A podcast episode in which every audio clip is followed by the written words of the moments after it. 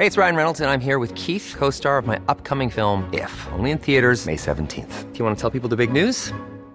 All right, I'll do it. Sign up now and you'll get unlimited for $15 a month in six months of Paramount Plus Essential Plan on us. Mintmobile.com slash switch. Upfront payment of $45 equivalent to $15 per month. Unlimited over 40 gigabytes per month. Face lower speeds. Videos at 480p. Active Mint customers by 531.24 get six months of Paramount Plus Essential Plan. Auto renews after six months. Offer ends May 31st, 2024. Separate Paramount Plus registration required. Terms and conditions apply if rated PG. Hiring for your small business? If you're not looking for professionals on LinkedIn, you're looking in the wrong place. That's like looking for your car keys in a fish tank. LinkedIn helps you hire professionals you can't find anywhere else, even those who aren't actively searching for a new job but might be open to the perfect role. In a given month, over 70% of LinkedIn users don't even visit other leading job sites. So start looking in the right place. With LinkedIn, you can hire professionals like a professional. Post your free job on linkedin.com/people slash people today. You should celebrate yourself every day, but some days you should celebrate with jewelry. Whether you want to commemorate an unforgettable moment or just bring some added sparkle to your collection, Blue Nile can offer you expert guidance and a wide assortment of jewelry of the highest quality at the best price. Go to BlueNile.com today and experience the ease and convenience of shopping Blue Nile, the original online jeweler since 1999. That's BlueNile.com. BlueNile.com.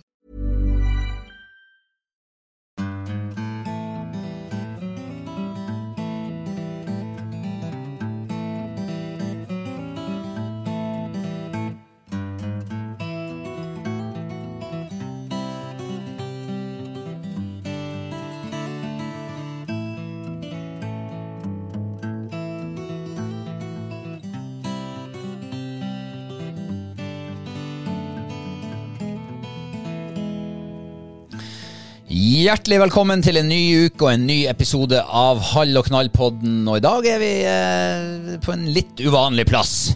Yes. Og jeg ser at du har eh, pynta deg for anledninga. Ja, det Er, det har jeg. er det derfor du har pynta deg? Nei, det er ikke derfor. Det var, mo- vi har jo vært hos eh, svigermor sin eh, 66-års bursdag. Ja. Og da måtte jeg jo ta det peneste jeg fant i eh, flyttsekken vår, Ja. ja, som du hadde nappa med deg. ja. Og det, det eneste som egna seg å ta på seg eh, på sånn her bursdagsselskap, det var halv og knall eh, jumper. Ja. Ja. ja det, fikk du skryt for klesvalget ditt, eller var folk likegyldige? ja, det var en som la merke til at jeg hadde en sånn jumpe på, og så spurte om hun ville kjøpe en sånn. Og nei, det ville hun ikke, for at uh, hun likte ikke oransje. Nei. Og så kunne jeg fortelle at vi har jo dem i svart og rosa, og da, og da var hun mer interessert. Ja. Så hun skulle, hun skulle kikke på det. Ja. Ja. Ja, for uh, vi, eh, etter vi Etter sist vi pratas, så uh, har vi jo fått, uh, fått de her gen- hettegenserne våre ut i nettbutikken. Yes. Og ja, det er noen som vil ha, ha de der der. Ja, jeg ser jo det. Det er kjempeartig. Ja, det er artig. For vi har jo en sånn liten sånn eh, pre-order introduksjonstilbud for uh, dem som vil være tidlig ute og få batch nummer én Ja. av de her. Og da er det god pris, og så er det tilbud ut denne uka. ja. Søndagskvelden er siste sjanse. Hvis du skal kjøpe den til litt, litt bedre pris. ja. Ja. Så det er bare å eh, løpe og kjøpe, eller klikk og kjøp. ja. Så Klikk og betal. Ja. Nei, jeg må si jeg liker den veldig godt. Ja, jeg er veldig fornøyd med den. jeg. Jeg også. Unisex, så alle kan bruke den. Og så kan hvis du er jente og liker rosa, eller hvis du er gutt hvis du liker rosa, kan du få rosa trøkk, svart genser. Ja. To farger som passer utmerket i lag. Men uh, hvorfor sitter vi i et uh, på en uvant plass, egentlig? Eh, jo, fordi at eh, Ja. Vi har jo huset vårt ut på Airbnb. Eh, og når vi la den ut, så hadde vi jo sånn her at de, folk kunne leie det på forespørsel. Altså at var, altså vi må godkjenne det. Ja. Men uh, under jegermiddagen på jaktprøven som vi uh, var på nå i helga, så var det altså noen som hadde booka og betalt Ja. på søndag. Ja. Og det her var lørdagskvelden. Mm. Å, herregud. Det gikk et kaldt gufs nedover ryggen på meg. Ja, det gjorde hos meg også, for vi for jo fra huset. Eh, vi hadde ikke støvsugd det for, for helga, for å si det sånn. Vi hadde ikke tenkt å leie det ut. Nei, vi hadde ikke det, så det var jo altså Ja. Så da sto det der eh, sånn som vi forlot det, i ja, Du vet når man får litt eh, dårlig tid, så eh, forlater man det i hurten og sturten. Ja. Oppvasken sto i oppvaskkummen, og sofaputen lå sånn som de ble elta når man røyste hodet derifra sist, og sengklærne og ja, ja, du skjønner. Ja, ja. Så, så men man kan jo ikke si nei til folk. Nei. Så det endte jo med at eh, det var du som måtte eh, dra opp på søndagen. Mm. Og så bare trekke det for prøven, dra opp på søndag, og så fikse huset. Ja. Egentlig så er det jo litt dumt, for jeg stoler jo egentlig ikke på eh, mannfolket og husvask. Eh, hva behager? Eh, jeg, jeg vet ikke, jeg, det er liksom Jeg, jeg føler det eh, Nå skal ikke jeg snakke for alle mannfolka, men for deg, da. At eh, 40 er godt nok. Nei, 80 ja. er godt nok. Ja, men for meg så er det 100% så er det Ja.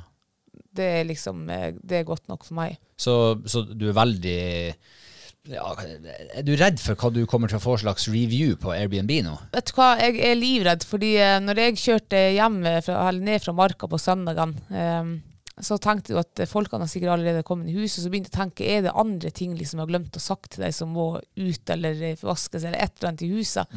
Ja, så kom jo på noe. Oi. Og det var, vi, har jo, vi var jo på sjøen for mange uker siden. Oi, Ja. var vi der? Og eh, ja.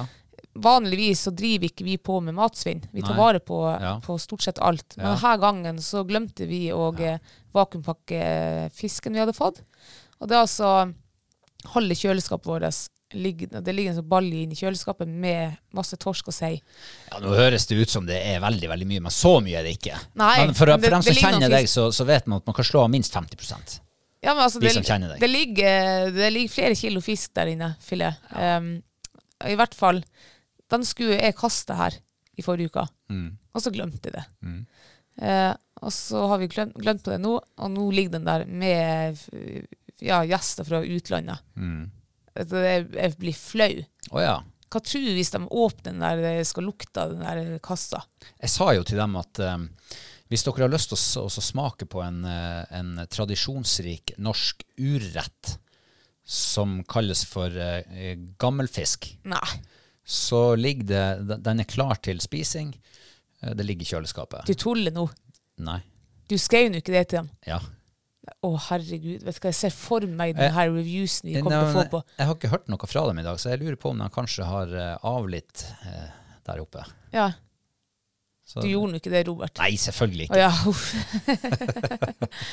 Herregud. Men vi har jo to kjøleskap, da, så jeg håper jo at de ikke har vært inne på grovkjøkkenet liksom, og så ja, vært Ja. nysgjerrig og, og kikka der. Mm. Ja. Ja, altså, det var jo eh, usannsynlig uhøvelig tidspunkt å få en sånn bestilling på. For det at eh, når man har vært på jaktprøve og, og er litt eh, sliten og kokt, og så er jo det beste som finnes, det er jo å komme hjem, synke ned i sofaen og bare ligge der og ikke gjøre noe. Mm. Fram til du står opp og går og legger deg. ja, Ja, det, det, det, det utgikk denne gangen. det gjorde det, ja. Mm. Så vi er fortsatt på, holdt på si, jaktprøveturer, føles Ja. ut som. Ja, det er ikke noe særlig, det. Nei. Så jeg, må si, jeg gleder meg i morgen til eh, gjestene våre fær. Ja. Ja. Det gjør jeg også. Mm. Eh, heldigvis så har vi jo en eh, Eller jeg har en svigermor som på like kort varsel tok imot oss og sa at dere kan få eh, losji ja, ja, her hos, hos meg, i hvert fall. Ja, ja det er glad slapp vi, å, slapp vi å sove i bilen. Ja, Så aldri så godt at ikke det er godt for noe. det er sant. Um, men eh, vi har gjort uh, andre ting denne uka som er mye viktigere enn akkurat det. Det trenger vi ikke å snakke om. Uh, vi har jo vært på uh, storviltoppskyting. Hvorfor skal du ikke snakke om det? Det er jo en, det er en milepæl hver høst. Jo, jo. Um, ikke for meg denne høsten. Det var ikke milepæl. Nei. Eh, La meg høre.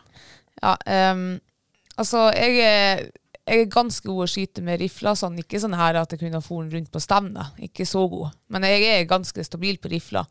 Godt Eh, nok til husbruk. Ja, så alle liksom er og så skyter jeg treningsskuddene, og så skyter jeg opp eh, på flekken, og, men ikke denne gangen. Jeg vet ikke hva som, som skjedde med meg, men jeg tror faktisk at det var du som jinxa det. Jeg? Ja, for når vi kommer fram dit, så spør han skiteinstruktøren som eh, han Karl Petter, som har vært gjester på podden før. Han har jo vært til og med vikar for deg i, for et års tid siden. Ja, stemmer det, ja. Mm, så Altså- våre lyttere kjenner han Karl Petter ganske godt. Ja. Og så sier du at uh, du må skyte med skytereime. For at, jeg vet ikke om du treffer ikke hvis du ikke skyter med skytereime. Altså jeg, ja. Du, ja. Og så sier du at uh, Men jeg trenger ikke det, for jeg er jævlig god å skyte. Og da tenkte jeg nei, det er jo ikke sånn. Altså, jeg, jeg skyter, ja, det kan jeg jo. Det, alle klarer jo å treffe blinken, liksom. Eh, men jeg klarte ikke det denne gangen. Ja, du traff jo blinken. Jeg traff jo Det var mye Det her var på den gamle måten. Vi måtte jo springe fram dit og så med de her klistremerkene. Så det var Ja. mye hvite klistremerker som eh, Ja. Jeg vet du, jeg skjønner ikke hva Jeg, som jeg tror aldri jeg har sett at du har brukt hvite klistremerker før. Jeg har aldri brukt det før, jeg. Nei. Uh, ja. um, nei. Hva, hva, hva, hva skjedde? Hva som gikk galt? Ja, Når jeg legger meg da på det her gulvet, da, gulvet går jo nedover. Og jeg er jo litt kort i armene, og blinkene var høyt over marka. Så jeg sleit veldig med å liksom skulle holde rifla oppe, jeg, for jeg ligger og skyter. Ja. Og, skulle liksom, jeg, og da tror jeg egentlig eh, det ble en sånn her eh, psykose inn i hodet mitt. At eh, når jeg først eh, plagdes på første serien liggende, fem skudd, og jeg visste jo, jeg skjønte at jeg plagdes allerede når jeg la meg ned dit og når jeg skjøt i fem. Jeg visste jo at, jeg, at de kanskje var alle veier, de der eh, skuddene. Det var de jo. Og da tror jeg at jeg klarte ikke å komme ut av den der. Og så var det jo etter vet, Gud vet hvor mange skudd, så um, skulle jeg skyte på en rein, da. Og da hadde jo fire inn i omtrent i hvert hjørne, og så var det én på yttersida. altså, herregud, Du, altså. du prikkskaut hjørnene. Jeg prikkskaut hjørnene, ja. Så, så jeg, den siste, da, runde nummer to jeg skulle skyte på den reinen, da tenker jeg jeg må bare ta meg god tid. For jeg liker å skyte dum, dum, dum, kjapt, og så bare ferdig. For jeg vet at, da, det jeg vet at de eh, sitter midt på, liksom. Men eh, jeg vet faen hvor mange minutter jeg brukte på den der liggende serien andre runden. Men da traff jeg nå heldigvis. Nei, jeg vet ikke, jeg var helt Jeg var, jeg var ikke hjemme den dagen der, altså. Nei, men man har jo av og til sånne klikk. Eh, Du fikk det da. Eh, Jeg har jo mine drypp, jeg også, selvfølgelig. Men du skøyt jævlig godt. Ja, du det- hadde jo eh, samling på eh, fire centimeter. Ja, men jeg skjøt med skytereim. Ja, jeg prøvde jo med skytereim. Jeg fikk ikke det til da Nei, man må ha en skytereim som passer til deg. Ja, Så eh, Nei, det, altså jeg liker jo å skyte, og jeg liker jo å tro at jeg er god å skyte, eller Mm. ja, sånn i hvert fall gjennomsnittlig god. ja. Uh, og jeg har jo skutt mye. Jeg drev jo med skyting i min barndom. Fikk det jo inn nesten med morsmelka. Og fortsatte i, i forsvar og skjøt mye der. Jeg følte at det her, har- det her har jeg bra kontroll på. Eh, men eh, når du begynner å skyte med rifle, og, og skal, sånn som når du skal ligge med oppskyting, det har jeg plagdes litt med. altså Plagdes med å få samling. Eh, så jeg var nødt til å eh, lage meg en eh, skytereim eh, for et par år siden. Det er som natt og dag, altså. Ja, ja, altså, det er så stødig og fint å ligge og skyte med skytereim. Jeg fatter ikke at ikke at, Ja, du skulle hatt det, du også. Men kanskje du ligger for godt, rett og slett, på en skytebane. Det blir for flatt. Jeg tror du skyter best når du har litt uh, stokker og steiner i- imellom deg, og ja, at du ligger litt uh, i kronglete. Nei, altså på, Jeg har jo skjøtt bestandig på en annen skytebane, og der er gulvet rett. Der har jeg skøttet godt. Nå var det jo gulvet gikk jo nedover. Du lå framover, i helling framover, liksom. Ja, ja, jeg sto, måtte, skulle egentlig ha lengre armer. Ja. Uh, Men ja. man må jo skyte med de armene man har. Ja, det er sant. Mm. Uh, yes. Men uh, det gikk nå i boks til slutt. Det gikk i boks, så nå kan vi jakte jerv. Ja. Ja. ja. Det er, det som nå. når man har en sånn der dag med drypp på skytebanen, Mm. så blir det jo det blir plutselig en veldig kostbar eh, affære. Ja. For det, det, det er jo ikke akkurat billig å kjøpe skudd om dagen. Nei, hva jeg betalte? Jeg tror jeg betalte 1300 kroner for skudd. Eh, og så hadde jo regna med at eh, da hadde jeg jo litt jaktskudd å jakte med utover vinteren, men det har jo ikke. så jeg må ferdig å kjøpe nye jaktskudd. Herregud. Ja, så kjøpte du jo i tillegg til de, til de der eh, rifleskuddene, så kjøpte du jo haglskudd òg. Ja, det gjorde jeg, ja. Mm. ja. For jeg skyter jo så helvetes dårlig med hagle også nå for tida, med de der stålskuddene. Så jeg Mm. måtte kjøpe bismut. Ja, Ja. Yes, så de var ikke billige, dem heller. hva de kosta? De kosta 30 kroner skuddet. Var det det, ja? Ja. Men jeg trodde det, for jeg, når jeg kikket på prisen, så tenkte jeg at det var 20 skudd i den pakken. Jeg skjønner ikke hvordan jeg har fått det til, for den pakken var jo knøttliten. Mm. Så 20 skudd i den pakken der, så var, måtte jo vært kaliber eh, ja, mindre enn 16. 20. Ja. Yes. Nei, Nei, men jeg får satse på at de skuddene gjør eh, susen. Men ikke sant, når vi kjøpte haglskudd med, med bly i, så kosta det jo Det var ikke så mange kroner, Nei. siden åtte, ni, ti kroner skuddet. Og så kjøper du noe med bismut, så er det 30 kroner skuddet, altså tre ganger. Eh, og hvis alt går sånn som EU vil, så blir det vel eh, om ikke så veldig mange år ulovlig med bly i riflepatroner nå. Ja. Rifleskuddene. Og hva da? Ja, da må du ha bismut i dem òg, kanskje? Det blir dem også ved tredobbelen. Ja, da blir det vel eh, Det blir jo ja. koste 2000 kroner for jaktskudd, da. En 20-pakning. Ja, ikke sant? Det er nesten så det lønner seg å begynne å røyke igjen. Det er mye billigere det. Slutte å skyte og begynne å røyke i stedet. Spare masse penger. Ja, ja. Ja. Nei da, men den er nå i boks, og det betyr jo at nå kan vi eh, jakte jerv med rifle i vinter. ja, nå skal jeg røkte jervåte. Jeg har ennå ikke gjort det nå i år. Nei. Nei. Men eh, har du trua på en bra jervejaktsesong? Egentlig ikke. Jeg har litt om å gjøre i den jervebua der. Ja, det har vi vel hørt om tidligere. Ja, det husker jeg ikke. Nei. Men uh, der er taket lekk. Ja. Og alt inn- inventar det er satt i søppelpose, klar til å bli henta ned. Mm. For det var eh, altså ødelagt av fukt. Du blir ikke arbeidsledig med det første. Nei. Og det er noe godt, det. Ja.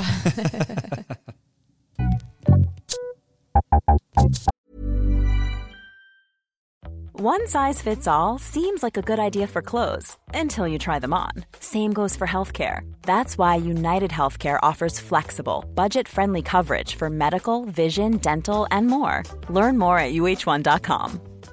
Ready to pop the question? The jewelers at BlueNile.com have got sparkle down to a science with beautiful lab grown diamonds worthy of your most brilliant moments. Their lab grown diamonds are independently graded and guaranteed identical to natural diamonds, and they're ready to ship to your door. Go to BlueNile.com and use promo code LISTEN to get $50 off your purchase of $500 or more. That's code LISTEN at BlueNile.com for $50 off. BlueNile.com code LISTEN. Ja, det har jo vært jaktprøvehelg. ja. Eh, og da er det jo i hvert fall for oss naturlig å prate litt om det. Det er jo en, eh, en stor hobby i eh, livene våre. Ja, det er jo det. Det er det. Eh, og det er jo eh, Ja, det, er jo for oss høstens første jaktprøve. Ja. Og siste. Ja, for i høsten så er det, det er egentlig mest jakt. Ja. Eh, jeg tror jeg kan telle på liksom hendene mine, de høstprøvene jeg har stilt på. Det er ikke mange, altså. Så det, det er mindre enn ti. Ja, det er mindre enn ti, ja. Og hvor mange hender kan du telle på? Holde med én hånd, kanskje? Nei, jeg har brukt å stille på de her eh, altså reiseprøvene. Og så har jeg vært en gang før i Børsel på eh, i, ja, Børselprøven. Ja. Ja, det, that's it. ja, for det har jo vært eh, jaktprøve på hjemmebane. Ja, og da må man jo stille opp. Ja, man bør jo det. Ja, ja. Og det er jo trivelig. Jeg har vært en, på én uh, høstprøve før, tror jeg. Mm. Og det var reiseprøven sist den ble arrangert, tror jeg. Stemmer det. Ja. Mm. Ble det premie, da? Nei, det ble ikke premie. Nei. Vi gikk i et terreng hvor jeg aldri har sett fugl før, Nei. så da blir det ikke premie. Nei. Eh, ja, hvordan var det på Du, jaktprøve? Det, vi var litt sånn usikre på om det, ble, om det kom til å bli høstprøve eller vinterprøve. Ja, det var jo det. Um, det så jo litt sånn uh, Altså ikke veldig lovende ut her i forrige uke. Um, Men så var jeg jo oppe i prøveterrenget nå uh, ja, forrige uke, da. Og Rekognoserte litt. Ja, sjekka forholdene. Det var egentlig ganske greit før. da. Det var litt sånn jobbføre for hundene her og der. Um, og så var det noe litt jobbføre for uh, tobeinte også, liksom her og der. Men det var ikke verre enn en det. Um, Det ble ikke anbefalt å ta med ski. Nei, det tror jeg. Da, du, da hadde du vært svett, tror jeg. Mer svett enn det vi var å gå i. Ja. Ja. Uh, nei, så jeg, var, jeg gleder meg veldig til den prøven, for uh, jeg har jo bestemt meg nå for at det her liksom var Nå er det siste eh, jaktprøven til Fight. Eh, hun er over 13 år gammel, og eh, nå skal hun få bli en ja, aktiv pensjonist som bare skal kose seg på jakt og turer og sånn. Pensjonister har det jo veldig travelt, har jeg for, forståelsen av. Ja, men, ja, jeg skjønner jo egentlig det. De får seg nye hobbyer, det. Ja. Eller henter fram hobbyer som de ikke har hatt tid til å drive med tidligere i livet. Det er sant. Hva er det hun Fight blir å hente fram, tror du? Nei, altså, har ikke, hun har nok ikke nevnt noe, noe sånn annet til meg enn at hun egentlig bare har lyst til å jakte og, og være med på tur og egentlig være der jeg er. Mm. Eh, det kan jo hende at hun har noen sånne skjulte tanker. At hun begynner å gjøre noe helt annet nå. Mm. Eh, tviler nå egentlig for det. Hun Fight er jo en stor jaktidiot. Så jeg tror hun kommer til å bruke tida si mest på det. Kanskje hun gjør sånn som eh, vi gjør, liksom prøver å utvide horisonten. Kanskje hun finner ut at revejakt er spennende. Ja, altså hun har vært med før jeg har skutt rev, og hun har uh, sendt henne ut i apport. Ja. Kanskje hun lærer seg å lose. Og hun kan jo lose, Hun det har hun lose, ja. Ja. Mm. ja, men kanskje det blir revejegere av henne. Kanskje jeg skal må fære noe eh, på sp- sporsnø og spore rev og gaupe med henne. Slippe henne. Kanskje hun kan lære seg å bli uh, ettersøkshund. Ja. Hun har jo en god nese. Ja, det har hun. Ja. Det er litt sykt det der. Jeg må bare si, apropos nese. Når man går i, i marka og du ser det er rypespor fra mange, mange mange dager siden. Så skikkelig, og det er sånn akkurat at du ser at her har det trødd en rype for eh, x antall dager siden. Så stikker hundene snuten ned der og lukter og lukter og lukter. og lukter og lukter. Det, jeg syns det er så fascinerende. Ja. At de klarer å lukte hva som har vært der for så lenge siden. Ja. Jeg, jeg slutter ikke å la meg bli imponert eller fascinert av de her dyrene. Jeg kan, jo, eh, jeg kan jo også lukte hvis jeg har brukt en T-skjorte og gått og meg svett i for eh, ja, en måneds tid siden. Så tar jeg den opp, så lukter det da. Altså. Ja, da lukter jeg også det. Kan du tro hvor det svir i nesen på hundene når de lukter det? Ja. Når du ligger med fight i armkroken, og så stakkars, så forsvinner snuten under armen din. Og så, Ja. uff, ja. Det er enda mer imponerende hunder som kan lukte liksom like gjennom vann. Det syns jeg er helt skjønt at det går an Ja. å lukte gjennom vann. Ja. Eh, ja, så det, det er utrolig, den hundenesen. ja, den er det. Mm. Ja. Så eh, nå datt det litt ut hva vi hva jeg sa og ikke du, sa. hun skulle kanskje bli pensjonist, det var siste prøven hennes. Ja, det var kanskje Hun der skulle vi bli var. pensjonist, ja. Eh, så, eh, og Fight hun, eh, hun ble jo syk, som eh, alle lytterne vet, her i august. Og, eh, så vi har jo tatt det pent sånn opptrening. Men nå de siste ukene så har hun egentlig vært eh, ja, altså tipp topp. eh, eh, ja. Så jeg hadde egentlig eh, ja, store ambisjoner om denne helga her. Ja, hva var målsettingen egentlig? Hadde du liksom definert noe for deg sjøl, eller? Ja, altså eh, Fight starta sin eh, VK-karriere på reiseprøven. Første AK-starten hennes, det var på reiseprøven. Så fikk hun første AK, så ble hun VK-hund. Så jeg tenkte det hadde vært litt artig hvis hun kunne slutte med en første AK på reiseprøven. Liksom slutte denne VK-karrieren hennes. Det var liksom det som var målet, men jeg vet jo at det er jo et sånn her Altså det er jo et, et eh, ja, nesten umulig mål. Eller sånn. Du, du vet jo aldri. Tenk for et eventyr det hadde vært. Ja. Sirkelen blir slutta på reiseprøven. Ja. Ja. Det var det liksom det. Så det ja, det var en litt spesiell helg for oss eh, når den starta. Ja. Ja. Ja, og det har jo, altså, egentlig så har jo de siste ukene dreid seg mye om planlegging av jaktprøven, for vi har jo vært i den komiteen. Eh, og um, ja, det det, til alle dem som arrangerer prøve, det er kudos fra meg. For uh, jeg har de siste årene oppdaga hvor uh, utrolig mye som skal organiseres og klargjøres, og, og ja, gjøre klart sånn at uh, alle som er der, både dommere og deltakere og ja, alle som er involvert, får, får en bra opplevelse. Og at de kanskje har lyst til å komme igjen Ja. en annen gang.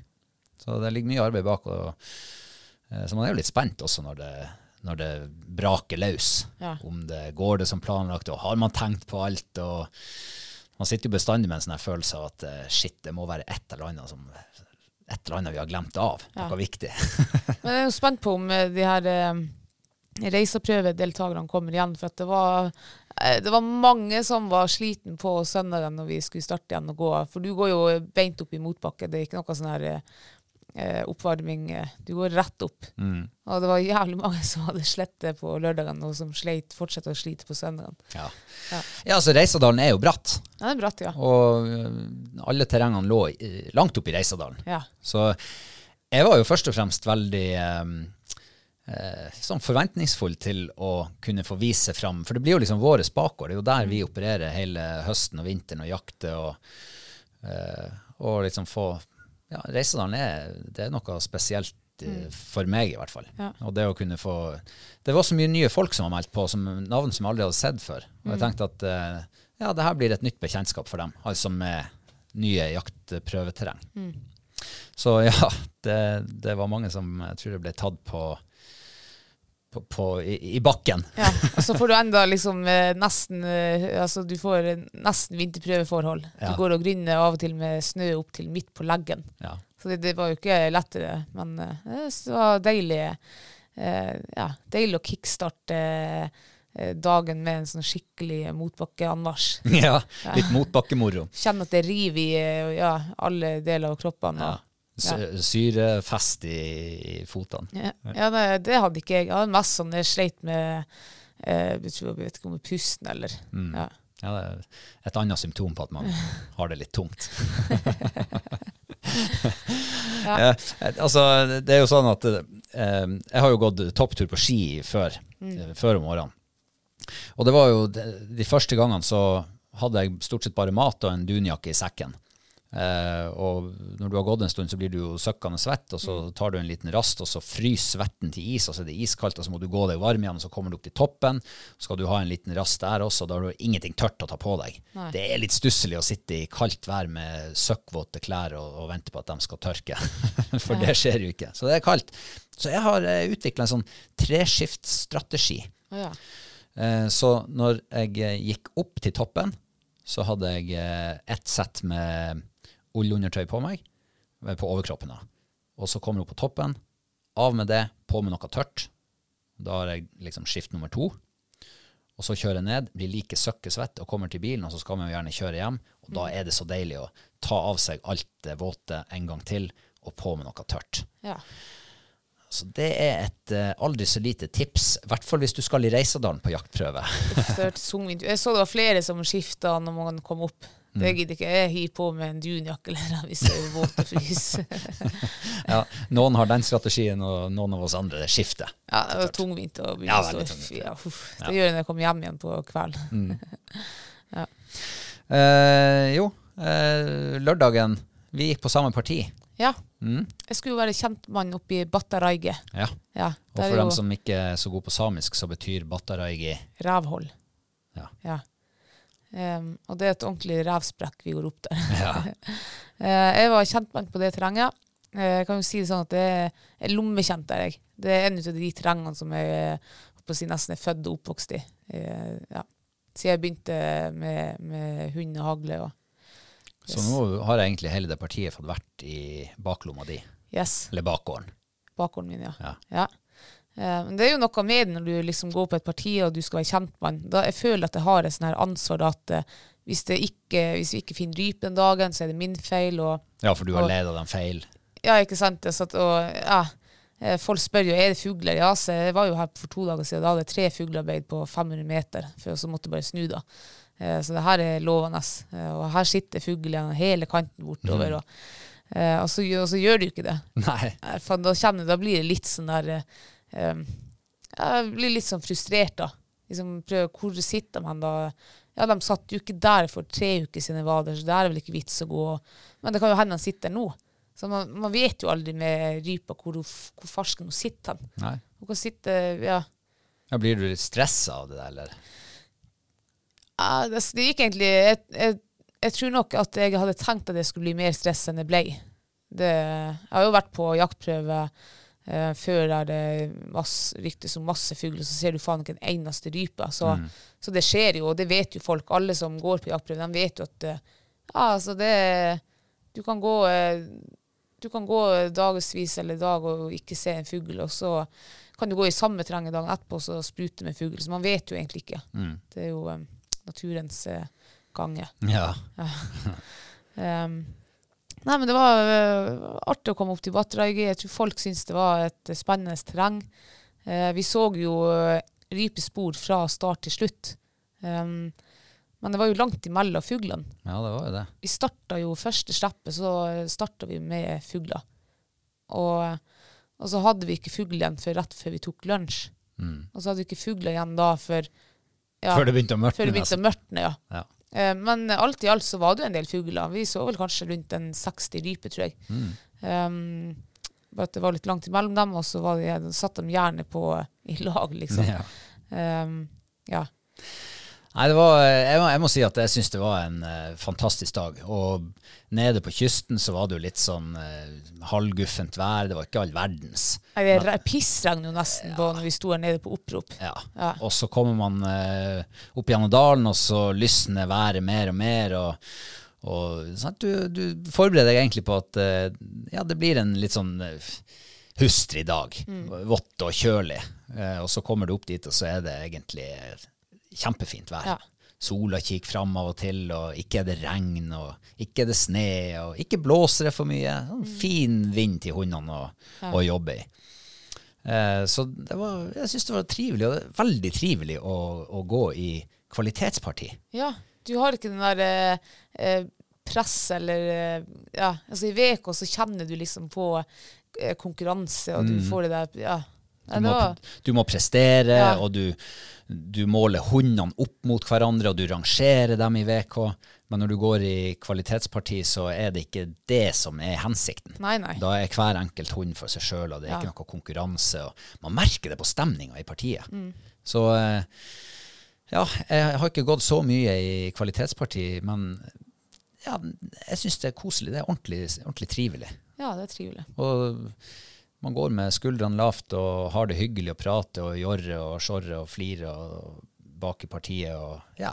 Mm. Følger litt med på hundene framme og bruker litt tid på å prate med Folkepartiet og ja, det Det, det klarer faktisk ikke jeg å legge bak meg. Liksom. For jeg, når jeg går på jaktprøve, så jeg liker bestandig å ligge bak dommeren, altså fremst i partiet. Mm. Og jeg er ofte ja, Stort sett så får jeg med meg alle slipp, og jeg liker liksom å gå fram og kikke. Så jeg er ikke så, jeg føler at jeg, jeg kunne sikkert vært litt mer sosial på jaktprøve sånn når du går ut i partiene. Mm. Men jeg føler at eh, jeg må jeg vet ikke, jeg må nødt til å få med meg hva som skjer. Syns det er artig.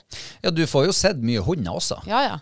Eh, jeg er jo litt sånn på, altså mer sånn når jeg går i VK, for da er jeg framme der og liksom ser hvordan, hvordan går de andre hundene, er det fugl, og hvor fær fuglen? Liksom, og det har jo du lært meg, at gå nå framme der, og i hvert fall når du begynner å nærme deg din tur, så går du framme, og så følger du med hva som skjer, og, og er det fugl, og hvor fær Ja. dem, og hvordan er fuglen, er den lett på vingene, eller trykker den godt, og ja. Eh, Men jeg slipper meg litt lenger bak i, litt oftere når vi går i, i kvalitetsparti. Ja, jeg ser jo du gjør men jeg, jeg klarer liksom ikke det. Men det er sikkert at jeg har gått så mange år i VK at det ligger i ryggraden min at jeg må gå der fram og, og kikke. Mm. altså, det er jo trivelig å gå fram og kikke. Du ser jo mye, mye rart og mye bra og mye Ja. Ja. ja. Det. Um, nei, jeg- han Reborn, eh, jeg førte jo Reborn i helga, Mm. eh, eller på lørdag. Og eh, ja, fytti rakkeren, altså. For en dag. Han var altså helt kanongod. Mm. Det er Ja, det var så deilig. Eh, kjempebra Altså, de tallkarakterene han fikk etterpå, var jo strålende bra. Og jeg, jeg, føl, jeg gikk med skuldrene eh, senka. Ja. Jeg hadde det ordentlig, jeg kosa meg.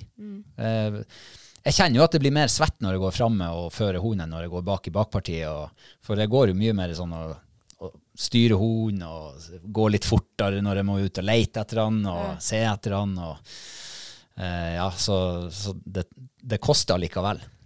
Men eh, Men har du litt sånn når du fører hund i AK, har du litt sånn at du, du Altså at kroppen din tror at du går i VK? For det ser av og til ut som du det er liksom på liv og død, og det er høy konkurranseinstinkt og Nei, men eh, jeg liker jo å ha en viss form for kontroll, ikke sant? Ja. Så jeg, eh, jeg klarer ikke å liksom slippe meg for mye bakover. Jeg må være sånn at jeg er trygg på at hun ser meg når han skal se meg, og at jeg ser han når jeg må. Så jeg er mye mer sånn Jeg, jeg vil være aktiv. For jeg tenker sånn eh, Train as you fight. Eh, Så når, når det gjelder en gang, når det er VK-prøve, så så jeg prøver å tenke at ok, det er ikke konkurranse, men jeg prøver å ta det som konkurransetrening for meg sjøl. Okay. Så jeg prøver liksom å utnytte terrenget til å eh, finne meg en høyde å stå på, eller en rygg, eller noe sånt, sånn at jeg har best mulig oversikt, eh, og prøve å være litt i forkant av hunden, og, og på en måte møte han på en plass der jeg tror han kan se meg, når han kommer, skal komme fram igjen. Så, men jeg vet ikke, det kanskje Nei, jeg vet ikke. Det funka i hvert fall veldig bra på lørdag. Ja. Eh, For da var det var skikkelig bra. Det var jo delvis litt sånn tungt føre her og der òg, for hundene særlig. Eh, Men eh, han Reborn har jobba virkelig bra, altså. Eh, Tok for seg terreng og veldig forutsigbare. Det var, en, det var egentlig en nytelse å gå og føre hund på lørdag. Mm. Og um, fikk jo andre slipp mot en Ja, var det en pointer, kanskje? Ja. Og de starter ut, og vi kommer inn mot et sånt langt skogsområde, ganske sånn tett skog. Og plutselig så finner vi den andre hunden i stand, uh, og ser ikke han Reborn på det tidspunktet. Uh, men den står helt sånn i, inn mot skogen, i, i begynnelsen mot skogen. Uh, og så ser vi han Reborn kommer ned et stykke på, litt på framsida av den andre hunden, og dreier framover og fester stand.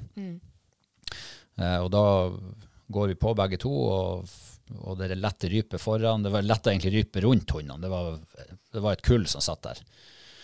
Eh, og den andre hunden reiser jo villig vekk og reiser rype i flere omganger og, og blir borte en liten stund. Men Reborn satt der helt rolig, iskald i hodet. Ja. Det var søkkimponerende, altså. Å se at han eh, Jeg tok utestemmen fram én gang, og da ble han sittende. Så Ja. rørte ikke på seg før eh, situasjonen var over og han fikk utrede.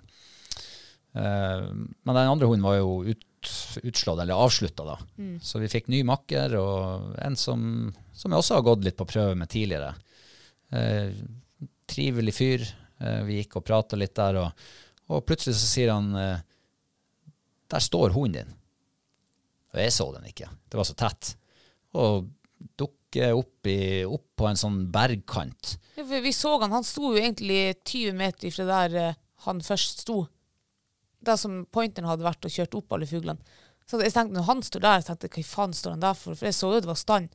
Så Stemmer jeg, det, ja. jeg tenkte nei, faen måtte om det sitter fugl der. Den pointeren hadde jo faen meg renska området. Ja, stemmer det. Sånn var det. Og jeg, var, jeg, jeg ville bare ha han bort derfra, for jeg tenkte det her blir jo tomstand. Ja. Men han var så intens i stand, og liksom han gikk på Det var liksom ikke sånn der eh, hvis han er litt usikker, at han logrer på halen eller kikker på meg. Så han var bare helt sånn der fokusert på det som var foran ham. Så jeg sprang jo fram- lammet han og skulle bare få han ut av den standen der, og der lette det jo fugl. Ja. Og skyte og ja, jeg, jeg vet ikke om jeg fikk avtrekk engang. Jeg tror faktisk eh, makkeren skjøt for meg. Ja. Og da var det to fuglearbeid plutselig på bitte, bitte lite område. Ja. Og så fortsetter vi framover. Og da han fester stand oppe på kanten der, Ja. som jeg ikke ser, men makkeren ser, og han melder stand for meg. Eh, og vi går fram, og hans hund er også borte, og vi tenker at, for de var forsvunnet på samme plass. Så tenker jeg, her står den andre hunden også. Og da, da blir vi enige om at vi går opp forsiktig fram, og vi får både dommeren og han prøve å få finne den andre hunden. Eh, vi ser den ikke. Og plutselig så letter rypet. Og da kommer den andre hunden fram. Og da har den altså stått bak en stein. Ja. Så det var helt umulig for oss oss å se det. Ja. Eh, men eh, da har vi altså tre fuglearbeid, og, og det som jeg syns i, det her slippet som var sånn der wow-følelse for min del, det var ikke alle de fuglearbeidene. Jo, selvfølgelig, det er jo, det er jo artig, det, og det, det betyr mye. Men det var det derre eh, sportmanshipet som var imellom uh, oss førerne. Han som jeg gikk sammen med, han sa at eh, jeg skjøt for deg. Ja, så jeg hørte det. Ja, for han sa du fikk jo ikke avtrekk. Så da skjøt jeg. Vi må jo hjelpe hverandre. Ja. Vi vil jo lykkes her. Vi vil jo at alle skal lykkes, så mange som mulig. Eh, og da tenkte jeg ja, for det her er jo ikke konkurranse. Her, vi må jo hjelpe hverandre. Og det var sånn her Hvorfor har ikke jeg tenkt det før? Det, det var, men der og da så var det liksom det mest eh, åpenbare, mest logiske i hele verden. Ja. Og jeg syns det, var- det var så fin gest av han. Og samtidig når han Jeg ser jo ikke at hunden min står eh, 100 meter lenger framme, og han sier at der står hunden din. Og hans hund var borte. Da var det jo Da var det mest naturlige for meg også selvfølgelig prøve å bidra til at han også kunne finne sin hund i stand. Ja. Uh, så vi tok det jo veldig, veldig pent. Og, ja, og det var jo bare sånn uflaks, rett og slett, at ikke, den, at ikke, at ikke vi så den hans hund òg. Da hadde han også fått et fuglearbeid der. Nei, så det var um, Ja, jeg, når jeg tenker på noe, så kjenner jeg at det, det betydde faktisk mye for meg. Sånn rent sånn emosjonelt, at man kan ha det så hyggelig og så være så fair med hverandre ute i, i marka. Så um, Men det skulle bare mangle. Jeg tror de aller fleste tenker sånn når de er, altså de, når de er på jaktprøve, eller uansett hva de holder på med. da. Man vil jo at andre også skal lykkes. Altså Det er jo ikke, det er jo ikke sport om liv og død, liksom. Nei, det er det jo ikke. Det er jo sport der man skal eh, liksom premiere den hunden som eh, ja, som fortjener å bli premiert, Mm. om det er UK, AK eller VK. Så det, men det er jo veldig flott. Det er jo sikkert noen som ikke er under andre Nei, men, Men- ja, men det, er liksom ikke, det var ikke det at jeg Det var egentlig ikke det jeg følte på, at det liksom eh, Om du unner eller ikke unner noen eh, å lykkes. Det var mer det derre eh, at vi faktisk tar oss bryet med å hjelpe den andre. Sånn hvis jeg ikke hadde fått, hvis ikke jeg hadde fått avtrekk eh, i den andre fuglesituasjonen der, så hadde jo ikke den blitt, altså det hadde ikke blitt skutt da. Da hadde ikke det telt. Jeg hadde fått kiling, jeg hadde fått reima til, til revolveren imellom han og, og liksom tønna da. Så jeg fikk det, det klikka, men det, ja, det bare klikka. Og da smalt det ifra han. Ja. Så Nå trenger du I UKAK så trenger du egentlig å i utgangspunktet bare skytes én gang for Mm. å liksom få godkjent til premie. Ja, det eh, visste ikke jeg. Nei, men i, akkurat i dette tilfellet, for han han fikk jo eh, reis på sitt andre fuglearbeid. Så det var jo veldig bra. Der makkeren skjøt. Der makkeren skjøt, ja. Ja. Så det var jo veldig bra. For hadde ikke han eh, Hadde ingen skutt der, så ville han bare hatt en, et fuglearbeid. Altså Mm. altså en pluss i boka, men det var ikke godkjent. Og da hadde ikke han Reeven fått reis liksom godkjent. Nei. Det er sånn jeg har forstått det, da. Ja, og dommeren sa jo til meg i den tredje situasjonen, da, da vi ikke fant hans hund, at Ja. Eh, ja, nå må du ikke skyte mer, sa han, etter at jeg hadde skutt for tredje gang. For ikke sant, jeg var ikke klar over det. Nei. Jeg visste ikke at det var sånn. Jeg, I VK så skyter du bestandig Ja. på alle situasjonene, og det er liksom det jeg er voksen opp med da, på en måte. Så. Ja.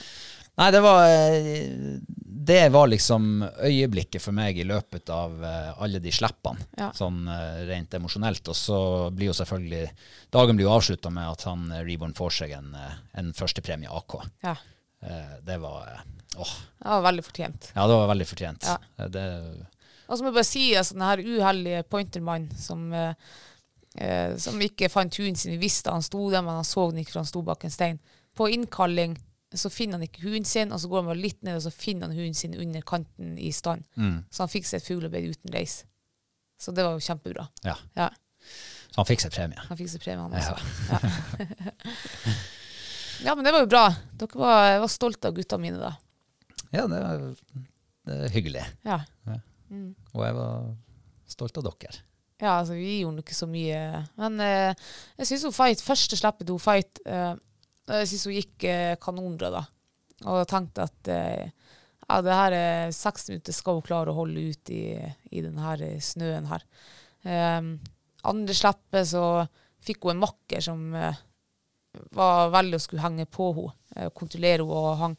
Og det ser hun, fight hun vanlig, altså, Hvis hun fight hadde vært to år yngre, så hadde hun sprunget fra denne makken her.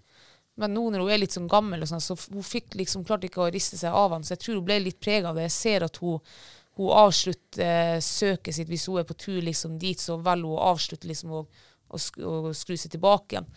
Um, så jeg ble, ah, jeg ble litt stressa av det der. Um, og så helt på tampen så ser jeg at hun kommer ned en bakke, og plutselig bare hiver hun seg i stand. Og det var akkurat på tur liksom, med handa i lomma, men der går det en rype. Eh, så hun fikk jo en, en stand utenfor Jasper og Hold.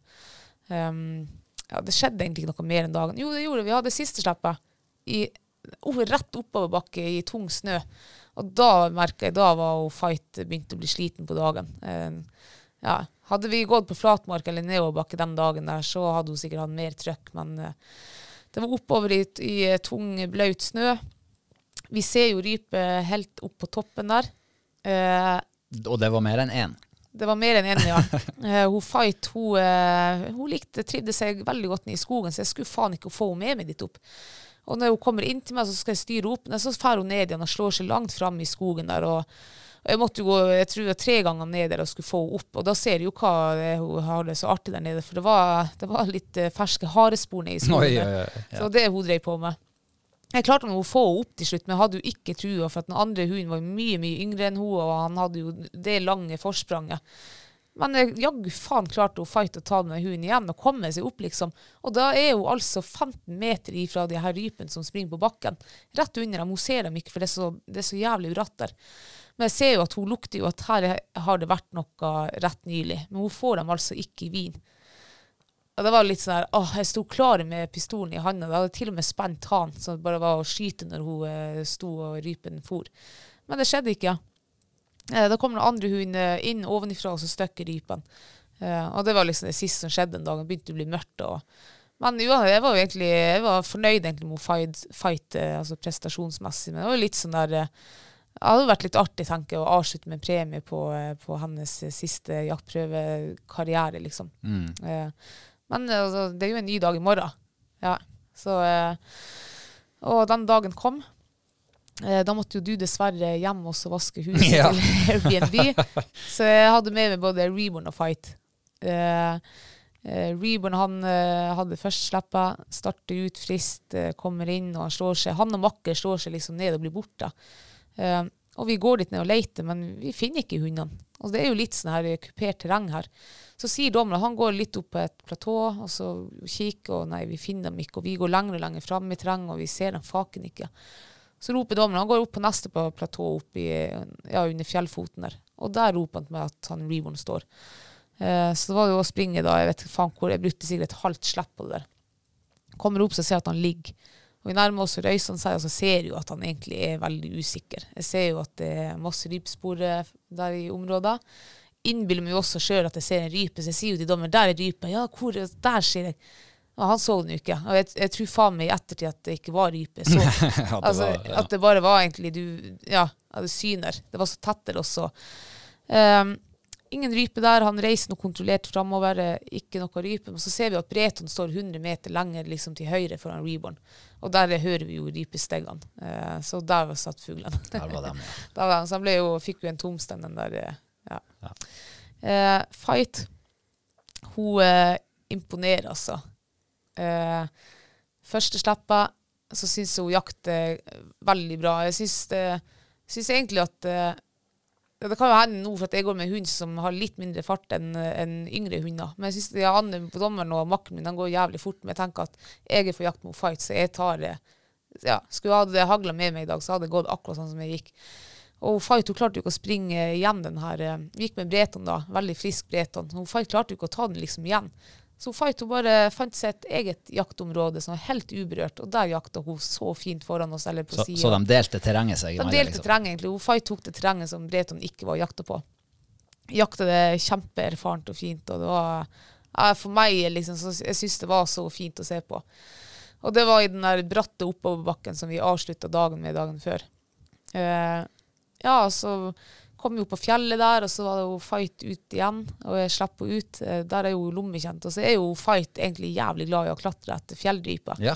Eh, så jeg slapp henne ned der, og hun tar seg nå et slag og blir borte der i medvind. Eh, kommer inn igjen da. Og så sender hun liksom opp igjen da fjellfoten, for det gikk sånn skerry liksom mot fjellfoten. Jeg tenkte det kan du ta.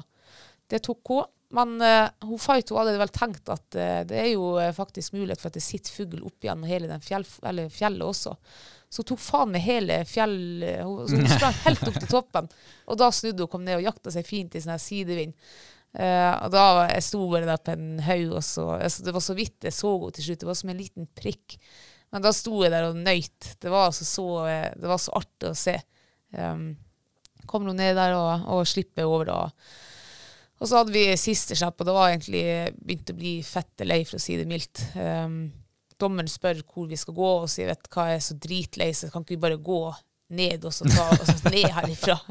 ja, da ned, så jeg slipper hun fight.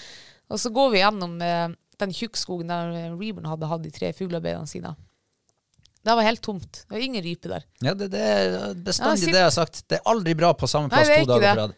Og da mistet liksom, da gikk litt lufta ut av meg, og jeg visste at det her var siste to fight, og det er antageligvis bare noen få minutter igjen før dommeren blåser i fløyta. Så jeg sender henne fight framover, og hun tar en sånn skogsrams, eh, sikkert, jeg vet ikke hva hun kunne vært, 400 meter foran oss. Eh, og så blir hun borte for meg i den skogen, og plutselig så ser jeg en rype som detter ned fra himmelen omtrent. Jeg ser, altså jeg ser ikke hvor han kommer fra, jeg ser bare en rype som lander, eh, egentlig rett i området der hun fight er. Og makken er jo på tur liksom inn i det området, så jeg tar jo føttene med meg og springer det jeg klarer for å se at eh, jeg bare ser et dekken som står i ro der i skogen. Og jeg har sprunget halvveis, så ser jeg jo eh, hun Fight står der. Og da melder standen, og da fikk eh, makken koble hunden sin. Og jeg, jeg sprang fortsatt der. Jeg anstet ikke å kikke om dommeren var med meg, men jeg sprang fram, fram dit til henne, for jeg tenkte hvis rypen er lett. Og når jeg begynner å nærme meg liksom sånn på skuddet, så kikker noen. Ja, han, dommeren var nå rett attmed meg på sida Du skal være glad det var en ung og sprek dommer. det, ja, det er jeg veldig glad for. Så kommer de fram dit, og da hiver hun Fight et blikk på meg. Og kikker på meg, og så justerer hun seg litt, og halen går litt sånn her. Og hun står jo med vin i ræva. Eh, så eh, jeg tenkte at hun Fight hun har kontroll. Hun Fight hun står ikke tomt, det visste jeg. Eh, hun har god kontroll på hvor rypene er. Hun lukter dem nok antageligvis ikke, men hun enten ser hun dem eller hører dem, eller jeg vet ikke. Og vi kommer fram, og så reiser hun Fight, og så letter det to fugler. Og jeg skyter, og Fight hun hiver seg rundt og kikker på meg, for ikke så rypen, og jeg tror ikke hun skjønte at det smalt heller, for da ville hun antagelig sprunget fram og fallapportert, for det er det hun har gjort nå i det siste. Så hun kikker på meg da, og jeg bare roper sitt. Hun hørte meg sikkert ikke da heller, og hun er rolig, og så går hun fram og utreder, for da skjønte hun vel at rypen hadde fornet ifra siden jeg begynte å rose og sånn der. Og da kjente jeg da hadde jeg altså en moment. Da begynte jeg å skrike. da ble jeg så rørt, og ja, det var Uff, nå blir jeg rørt igjen. Jeg bare, altså, jeg Der og da så var jeg 90% sikker på at hun kom til å bli avslutta med en første AK. Jeg var, ja, jeg var nesten helt sikker. Men allikevel var jeg ikke helt sikker. Men uansett, så jeg, jo, jeg hadde vært glad for en andre AK også. Eh, men jeg var ganske sikker på at, det var, at hun skulle få første AK. Men man vet jo aldri. Og jeg kom noe fight der, og så har hun bare en liten til moment, hikste litt og sånn, og så prøver å samle meg, for at eh, resten av partiet og dommeren sto der borte. Så tenkte jeg kan jo ikke begynne å velge og sånn eh, i offentligheten. så jeg gikk nå tilbake der og hadde tørka tårene, og, og så begynner han å utrede slippet. Og han sier jo, han har jo sett akkurat det samme som jeg har sett den dagen der. At en hund eh, som ikke har like god fart som en ung hund, men eh, som har erfarenhet og alt, og intensitet og lyst. Hun jobber, hun jobber på hele tida, og det var så flott å se på. Og selvfølgelig må hun gi henne første AK. Og da sprakk jeg. Og da begynte jeg å hikste, og jeg skulle Jeg vet ikke, jeg tror ikke jeg klarte å snakke der på, på en liten stund. Og jeg det, vet hva, det var altså en så utrolig følelse som jeg, som jeg hadde håpa på at jeg skulle kjenne på, at vi skulle liksom få denne avslutninga. Men som jeg ikke hadde ikke riktig tort liksom å ja, håpe det. Eh, men eh, nei, det var så rørende. Jeg ble så rørt. Og hun, hun er så god, den der hunden, at ja.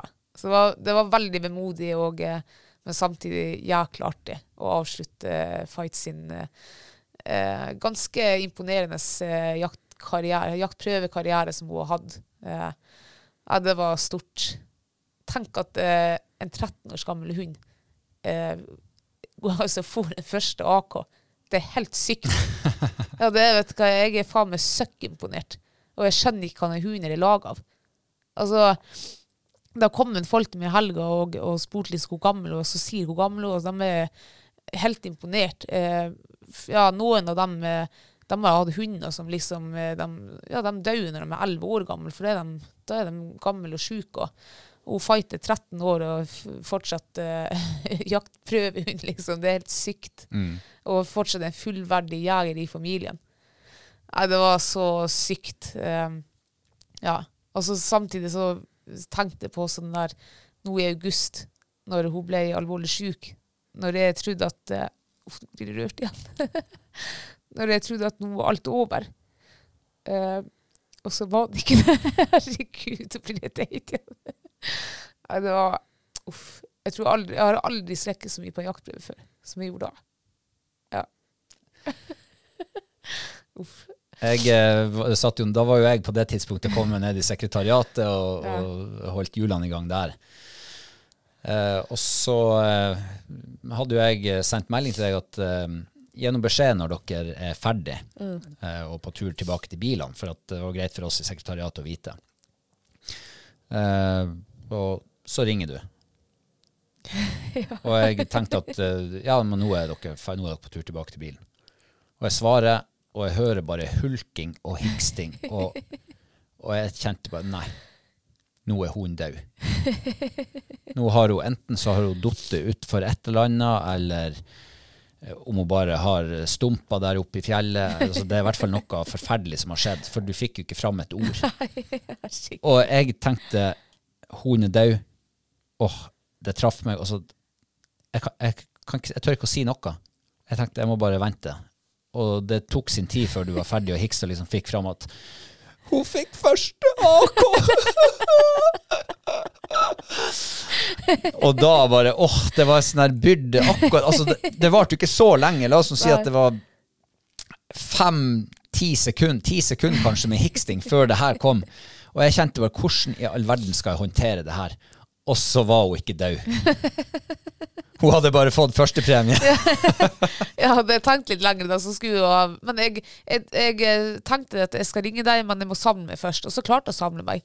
Og når jeg ringte deg og, og det begynte å ringe, da kjente jeg at nå ble jeg rørt igjen, så nå kommer jeg til å få en ny sånn her bølge. Og så fikk jeg det akkurat når du svarte. Så jeg skjønte jo at det kunne høres ut som at det var noe veldig eh, dramatisk eller alvorlig som hadde skjedd. Eh, ja.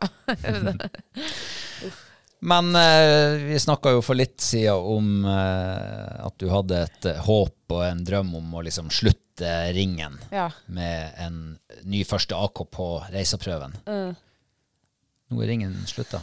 Nå er ringen slutta, ja. Jaktprøve, karriereringen til Fighter slutta. Og det er så artig å tenke på at hennes aller første AK-start, så fikk hun første AK, og hennes aller siste jaktprøvestart, mest sannsynlig da, er første AK. Å, har du døra litt på gløtt? Ja. Altså jeg, sa, jeg har jo sagt noe Først pensjonerte hun her for når hun var ti år. Og så året etterpå så vinner hun Exit-cupen med CK og får sin første AK også. Og så, skulle hun, og så pensjonerte hun her i vinter.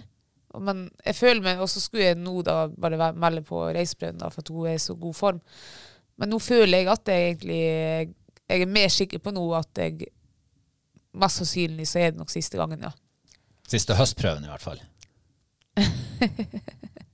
Jeg eh, opplever at det har tegnet seg et, eh, en, eh, en gnist i deg som eh, brenner deg litt baki der en plass. Nei, altså, jeg tenk, altså, når jeg tenker på alder, så er hun, skulle hun kanskje vært pensjonert for lenge siden. Men hun, Fight hun er faktisk eh, helt unik. Eh, hun er fortsatt en, ja, en tipp topp jeger. Det, fikk vi jo, eller det presterte hun jo å vise i går. Eh, men man vet jo alle, så er hun i form, men jeg skal i hvert fall ikke ha det i bakhodet. Hun skal selvfølgelig være med på jakt og trening, for jeg vil at hun skal holde seg i form. Men uh, er det sånn at hun begynner å så Hun er jo i den alderen der som alt kan skje. Så jeg tenker jo Jeg tenker egentlig at det her var um, slutten på hennes uh, idrettskarriere. Det tenker jeg. Men man vet jo aldri. Plutselig så er hun i kjempegod form i vinter, og det er turboføre. og hun elsker jo det her. Hun har så konkurranselyst, den hunden, at eh, hun, hun vet godt forskjell på jakt og jaktprøve. Det kan hun. Og jeg ser at hun har en helt annen gnist eller sånn konkurranselyst når, eh, når hun vet vi er på jaktprøve. Eh, Så, så, lenge hun, så lenge hun kan være med og elske det hun gjør, uten at det skal presse henne, for det kommer det aldri til å gjøre, jeg skal aldri presse henne til noe, så vet man, altså, da kan hun jo aldri si aldri. Altså, ja. Men sånn, i utgangspunktet så var det her eh, eh, Fight sin eh, ja, siste idrettsprestasjon. prestasjon. Men om det nå er det eller ikke, om det nå skulle være det, så, eh, så må det jo være et utrolig sånn godt minne å liksom putte i, Ja. i, i kista, på en måte. Ja, altså det- ikke den kista, men i Nei, jeg skjønner. Ja. Ja, jeg skjønner hva du mener. Uh, ja, det. Jeg kommer aldri til å, jeg kommer aldri til å glemme, glemme denne dagen. Jeg har aldri glemt eh, dagen hun fikk første AK, og jeg kommer aldri til å glemme, altså første første AK. Og jeg kommer aldri til å glemme denne dagen hun fikk sin, mest sannsynlig sin siste første AK. Ja, det er veldig spesielt, og eh, jeg kjenner enda at jeg blir rørt når jeg liksom tenker på det. Ja. Men det er noe bra, det. Ja, Du er jo et følelsesmenneske, det er jo ja ikke det jeg. jeg. ja, det er du så rett. Jeg skriker bare ikke så mye. Nei. Det sitter kanskje litt løsere hos meg. Ja. Og så er det andre ting også, sånn, eh, som jeg tenker nå jeg skal prøve å, eh, å undersøke litt. Egentlig bare mest sånn for artighets skyld. Og det er å faktisk se om hun Fight kan være den eldste fuglehunden som har fått første AK. Jeg tror at det er store muligheter for det, altså. Mm. Det vet, føres jo statistikk på alt mulig i denne verden. ja, det Så gjør det jo må det. jo være noen som har, eh, kan finne oversikt over noe sånt. Ja, jeg må, jeg må finne, få tak i eh, dem eller den eller som eh, kan vite det. Jeg har prøvd å google litt, men det kommer jo ingenting opp. Um, Hvis ja. det er noen der ute som vet av sånne fuglehundstatistikere. Du har jo Royalura, kanskje. Det har jeg, ja. Han fører i hvert fall jaktprøvestatistikker fra 1000 år tilbake, nesten. Ja, ja, da han fører jo jaktstatistikker på fuglehundprøver. Ja. Altså fuglehunder. Så Kanskje det er der må begynne, bare å høre. For det har vært jækla artig å vite om Fight er den eldste. Ja. ja, det, i så fall hadde det bare blitt eh, nok en meritt i beltet til eh, en av, eh, i, mi, i mine øyne, tidenes beste jaktprøvehunder. Så kan alle andre si hva de vil. Sikkert noen som har Du er veldig inhabil, da. Ja, det er det jeg sier. I mine øyne så er det det. ja. Nei, men eh, det kan jo være at vi finner ut av det. Eller Ja. du, da. Ja. Men nå er jaktprøven over. Nå er jaktprøven over. Og eh, jeg har ikke vært så søkkende sliten eh, på gud vet hvor lenge som det jeg er i dag. Nei. Jeg har, eh, altså, jeg har ikke fungert i dag. Nei. Så at eh, vi klarer, i hvert fall at jeg klarer å sitte her nå og prate klokka er halv åtte om kvelden. Ja. Det hadde jeg ikke trodd. Jeg regner med at nå lå jeg eh, skinnflat på sofa, lånt sofa, siden vi ikke kan gå hjem, eh, og, og, og, og glippa med øynene. ja.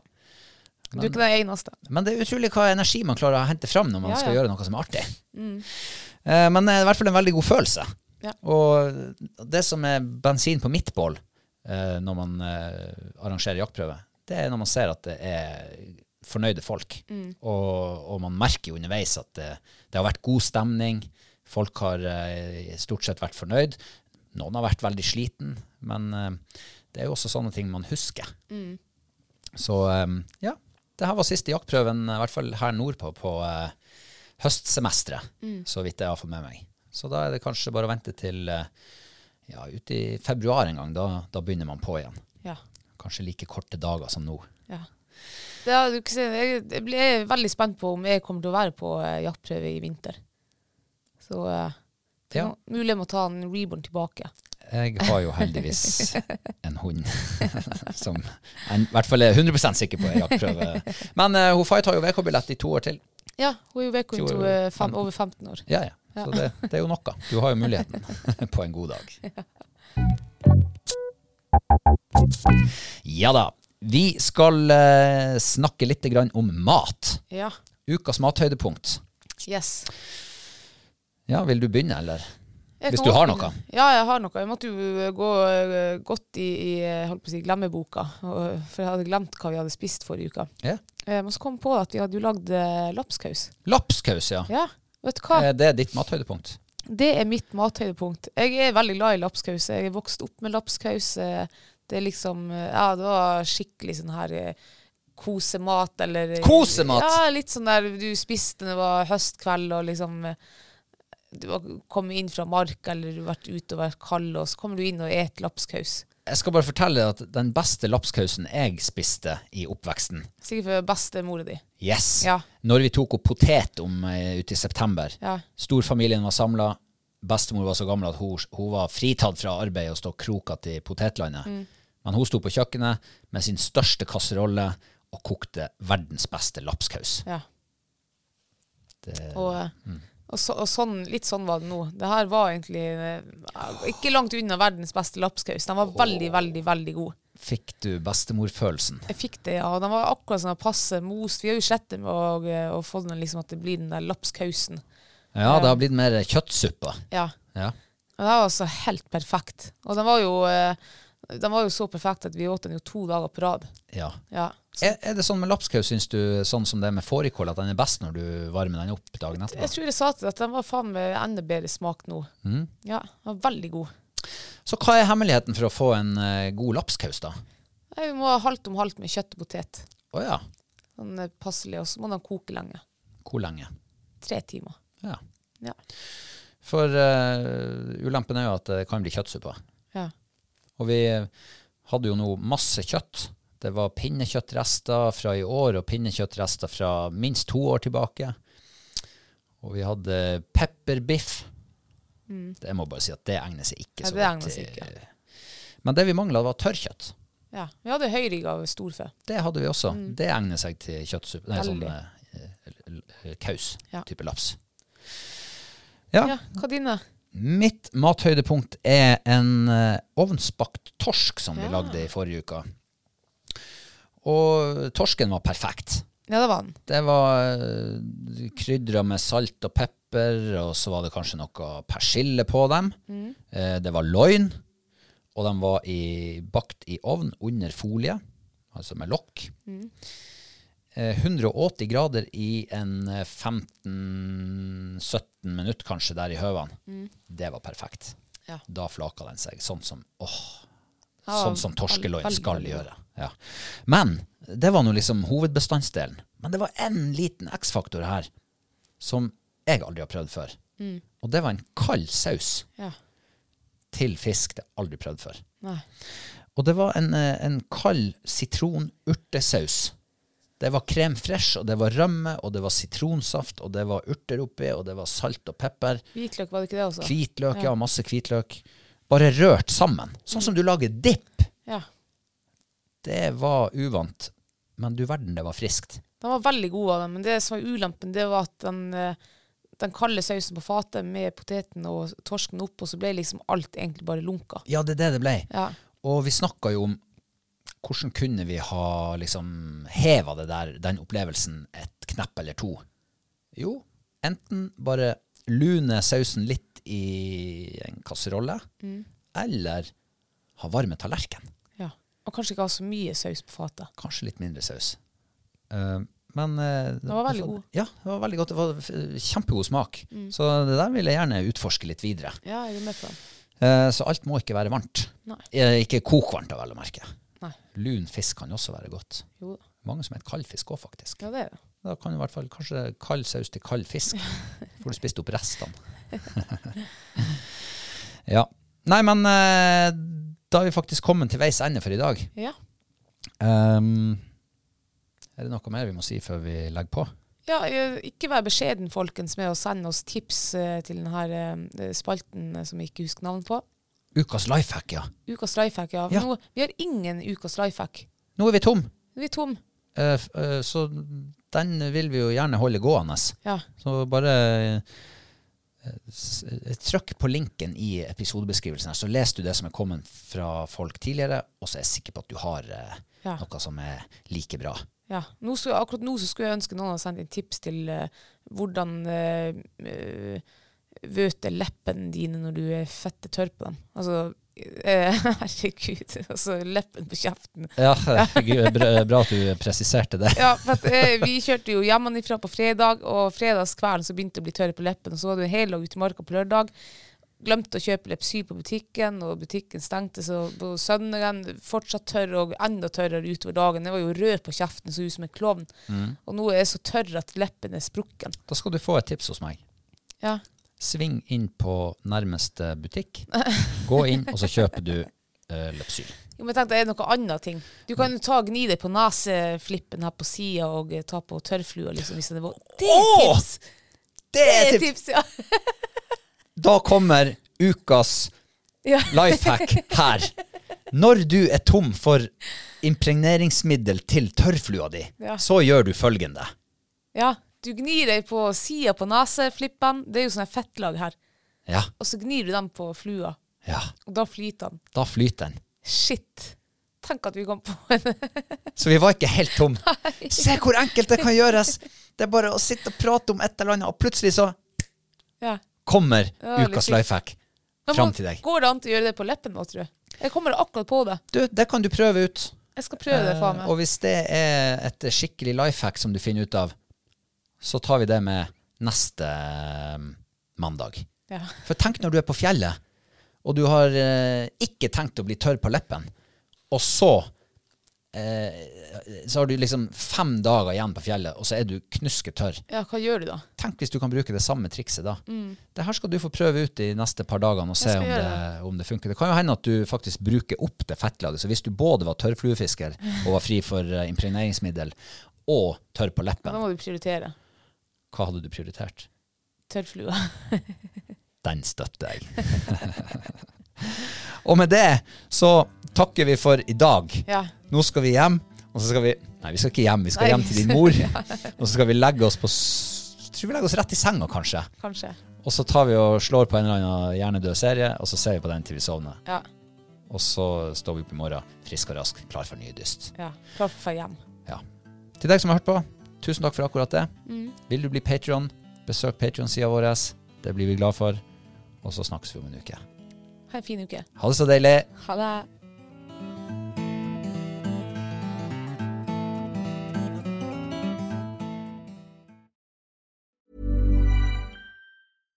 Hi, I'm Daniel, founder of Pretty Litter. Cats and cat owners deserve better than any old fashioned litter. That's why I teamed up with scientists and veterinarians to create Pretty Litter. Its innovative crystal formula has superior odor control and weighs up to 80% less than clay litter.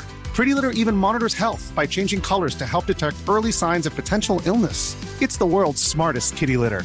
Go to prettylitter.com and use code ACAST for 20% off your first order and a free cat toy. Terms and conditions apply. See site for details. Ever catch yourself eating the same flavorless dinner three days in a row? Dreaming of something better? Well, HelloFresh is your guilt free dream come true, baby. It's me, Kiki Palmer. Let's wake up those taste buds with hot, juicy pecan crusted chicken or garlic butter shrimp scampi. Mm. Hello Fresh.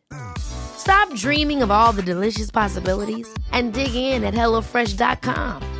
Let's get this dinner party started. Hi, I'm Daniel, founder of Pretty Litter. Cats and cat owners deserve better than any old fashioned litter. That's why I teamed up with scientists and veterinarians to create Pretty Litter. Its innovative crystal formula has superior odor control and weighs up to 80% less than clay litter. Pretty Litter even monitors health by changing colors to help detect early signs of potential illness. It's the world's smartest kitty litter. Go to prettylitter.com and use code ACAST for 20% off your first order and a free cat toy. Terms and conditions apply. See site for details.